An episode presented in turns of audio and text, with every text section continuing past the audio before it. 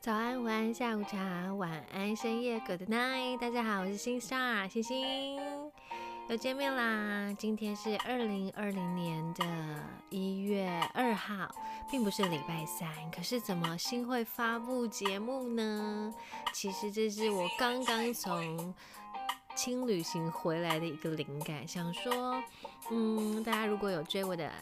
Instagram 的话，就是可以可以看到我假日或是连假或是放空的时候去哪里玩拍的一些照片，还有一些文字分享。然后就想说，那为什么不把这样子一个分享的心情变成？节目的一部分呢，所以呢，我就开设了一个子节目，叫做《心飞去哪了》。心飞去哪了会不定期更新，就是如果我有真的出去放松走走的话，不管是短期的一一日行，还是长期的旅行，我都希望能够透过节目可以分享给大家。然后大家也可以写信给我，告诉我你们去哪里玩，然后提供我新的景点去拍照、去探索、去探险。那新刚从。乌来回到台北的家，那乌来的山上是非常非常的冷。如果看到我的照片，就会知道我非常的勇猛，还穿着短裙跟高跟长马靴。那是因为，嗯，呃，要当一个王美是很不容易的，所以为了拍好看的照片呢，就是穿的美美的。好，那这一次去呢，新是去一家新开幕三个月的民宿温泉会馆。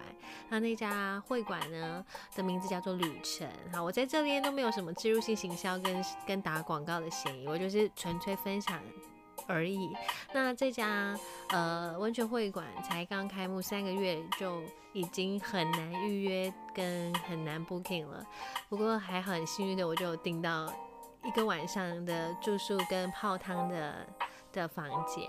那非常推荐大家可以在一日行或是呃两天一夜的小旅行，安排一个不错的。呃，住宿不错的地方，附近有相关的景点可以去晃晃走一走，好好的让身心灵得到得到舒舒畅跟放松。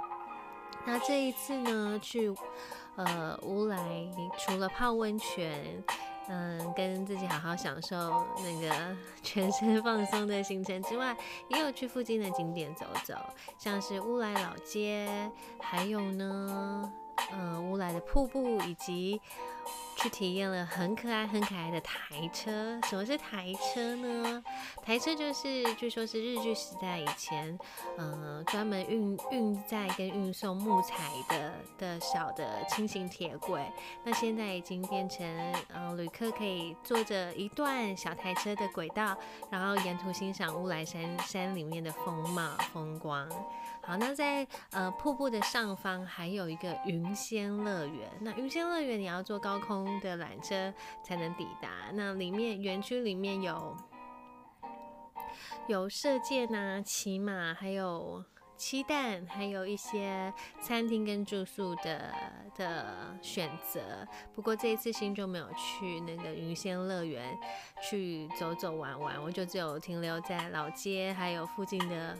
呃，情人步道，还有呃台车的体验之旅而已，就这样子，很快的一天一夜的短暂的小行程就结束了，嗯。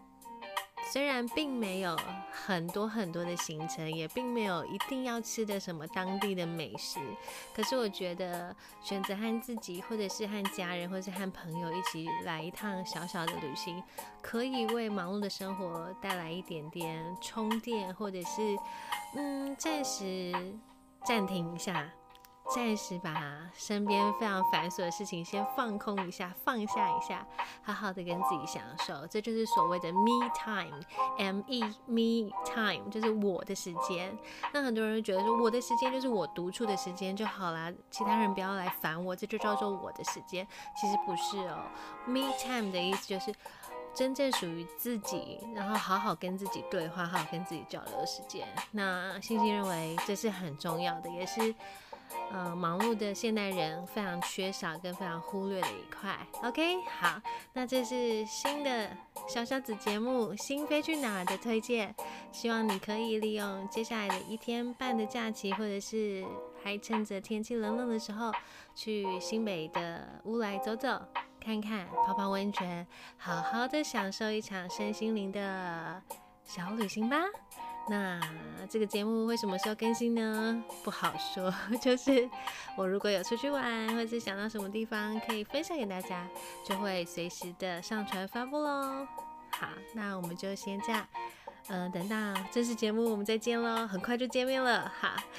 希望你会喜欢今天我的分享，请记得追踪、关注、订阅，还有我的 Instagram 以及我的 Street Voice，跟跟什么呢？当然是跟给我小心点的新节目喽。好，那我们下次见喽，拜拜。